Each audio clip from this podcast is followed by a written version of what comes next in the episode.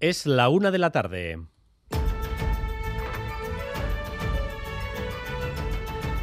Crónica de Euskadi con Dani Álvarez. A Ratzaldeón, el gobierno vasco asegura que su gestión política del caso de Miguel ha sido ejemplar. El vicelendacari Josu Ercoreca cree que su actitud e intervención con respecto a los condenados muestra un camino para hacer frente a la corrupción que afecta a las instituciones. Yo creo que aquí la actuación del gobierno ha contribuido en todo momento a que esta sentencia definitivamente pues ponga los puntos sobre las IES. Ahora que la resolución es firme y que se ha puesto fin definitivamente al procedimiento penal, eh, está claro que estas personas ya no pueden continuar y ya el compromiso del gobierno ha sido claro en el sentido de que se procederá inmediatamente a su despido apartándoles definitivamente de la administración pública para que cumplan las condenas que les corresponden. Así que la pregunta ahora es ¿cuándo entrarán en la cárcel los principales condenados y Manuel Manterola? Pues lo que podemos decir es que esa entrada en prisión no será inminente. ¿Por qué? Porque todavía falta completar un proceso que arrancará cuando el Supremo notifique la sentencia a la Audiencia Provincial de Araba. A partir de ahí los jueces se tienen que reunir, remitir una nueva resolución y enviárselo a las partes que podrán presentar sus peticiones o alegar alguna cuestión. Cuando concluya ese proceso, entonces sí se fijará fecha de ingreso en prisión. Todo esto será cuestión de unas semanas. Las defensas en este momento están valorando presentar recurso de amparo al Tribunal Constitucional. Las fiscalías se mueven para aumentar la seguridad de las mujeres frente a sus parejas o exparejas. Ahora los fiscales deberán solicitar medidas cautelares contra los agresores aunque las mujeres no las quieran. Madrid y Sarobaza.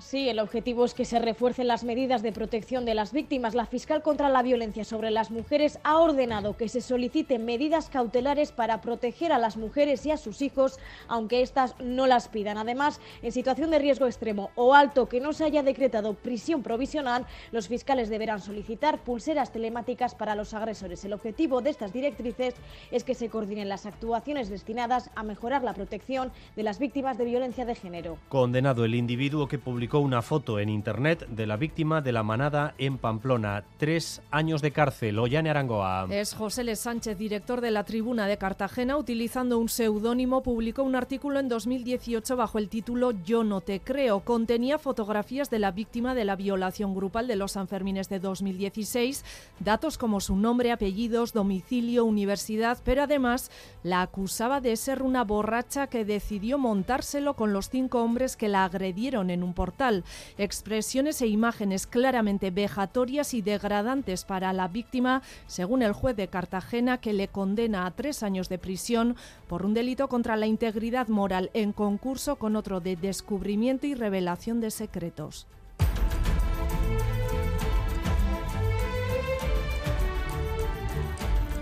La Asociación de Pediatría considera necesario que se incluya en el, en el, calendario de vacunación infantil para menores de dos años el anticuerpo que previene la bronquiolitis, que ha sido, como saben, uno de los virus más activos entre los pequeños este otoño e invierno. Natalia Serrano. Es un anticuerpo contra esa bronquiolitis que la Agencia del Medicamento Europeo aprobó ya hace un año. La agencia española, sin embargo, un año después sigue tramitando su aprobación. La Asociación de Pediatría urge ahora a que este medicamento de gran eficacia aseguran esté listo para administrarlo a lactantes y niños menores de dos años, por lo menos antes de la próxima temporada. Quieren que se incluya en el calendario vacunacional infantil para evitar, así dicen, los quebraderos de cabeza de este año, tanto en familias como en consultas. El Bilbao Exhibition Center reafirma su condición de lugar de referencia para eventos en todo el norte peninsular. Su actividad a lo largo del 2022 generó un impacto económico superior a los 135 millones de euros, conciertos masivos, festivales, ferias y, sobre todo, la Bienal de Máquina Herramienta. Xavier Basáñez, director del BEC. El impacto económico ha superado los 135 millones de euros, gracias a la celebración en nuestro recinto de 232 eventos. Marcó un hito la celebración de Bienal Internacional de Máquina Herramienta. Y hoy es el día de la apertura de la temporada de, de sidrerías que se prevé también masiva. Anegoñi desde Astigarraga, Rachaldeón. A Rachaldeón, sí, ambiente festivo para dar la bienvenida a ese primer choch de la temporada, una temporada para la que hay muchas ganas después de dos años de pandemia, pero el alcalde de Astigarraga ha hecho un llamamiento a disfrutar, eso sí, pero con responsabilidad. Xavier Urdangarín. Gozatzeko, baina pasa gabe. mm? e, errespetuz, begirunez e, tratatu itzazue, bai herri hauek, bai e, bertako herritarrak, eta jakina ba, eraso matxista, homofobota, e, antzekorik inola ere, ez tegula onartuko ere, azpimarratu nahi dut. Los actores Aitziber Garmendia y John Plazaola serán los encargados de hacer ese primer choche de la temporada, poco antes de las 2 del mediodía. Un honor, han dicho. Han reconocido que saben poco de sidra, pero que les gusta mucho y que son asiduos a las sidrerías. Bueno, pues intentaremos escuchar en directo ese momento álgido de la ceremonia de apertura. Y mañana comienza una nueva edición del ciclo Cine y Ciencia. Hasta el mes de marzo se proyectarán en total 10 películas y participarán en las sesiones una veintena de científicos y científicas. Comienza mañana con la proyección de la película El nombre de la rosa en el Artium. Además del Artium, habrá sesiones en Tabacalera, en los Golem, en los cines Les Select de San Juan de Luz y en Vizcaya Aretoa. Ricardo Díez Muño, director del Donostia International Physics Center.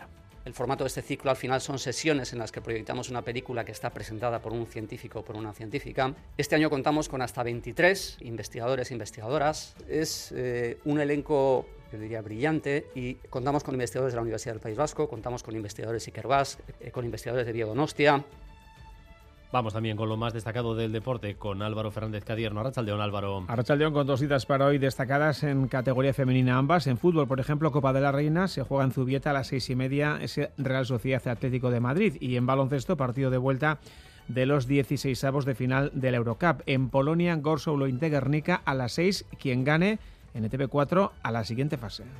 Y en cuanto al tráfico, ahora mismo en Zamudio, sentido Bilbao, un camión averiado se encuentra ocupando el carril derecho. Hablamos de la Vizcaya 631, Zamudio, sentido Bilbao. Están a la espera de que llegue la grúa para despejar esa zona. En cuanto al tiempo, las lluvias generalizadas han dejado paso a un eh, nuevo frente con chubascos dispersos y ocasionales. El viento del noroeste va a provocar un descenso de las temperaturas que serán algo más bajas hacia el final del día. No alcanzamos ni los 15 grados ahora mismo en Bilbao o Donostia, 13 grados aproximadamente, también 13 en Bayona, 9 en Vitoria-Gasteiz y 8 grados de temperatura en Pamplona. Gracias un día más por elegir Radio Euskadi y Radio Vitoria para informarse.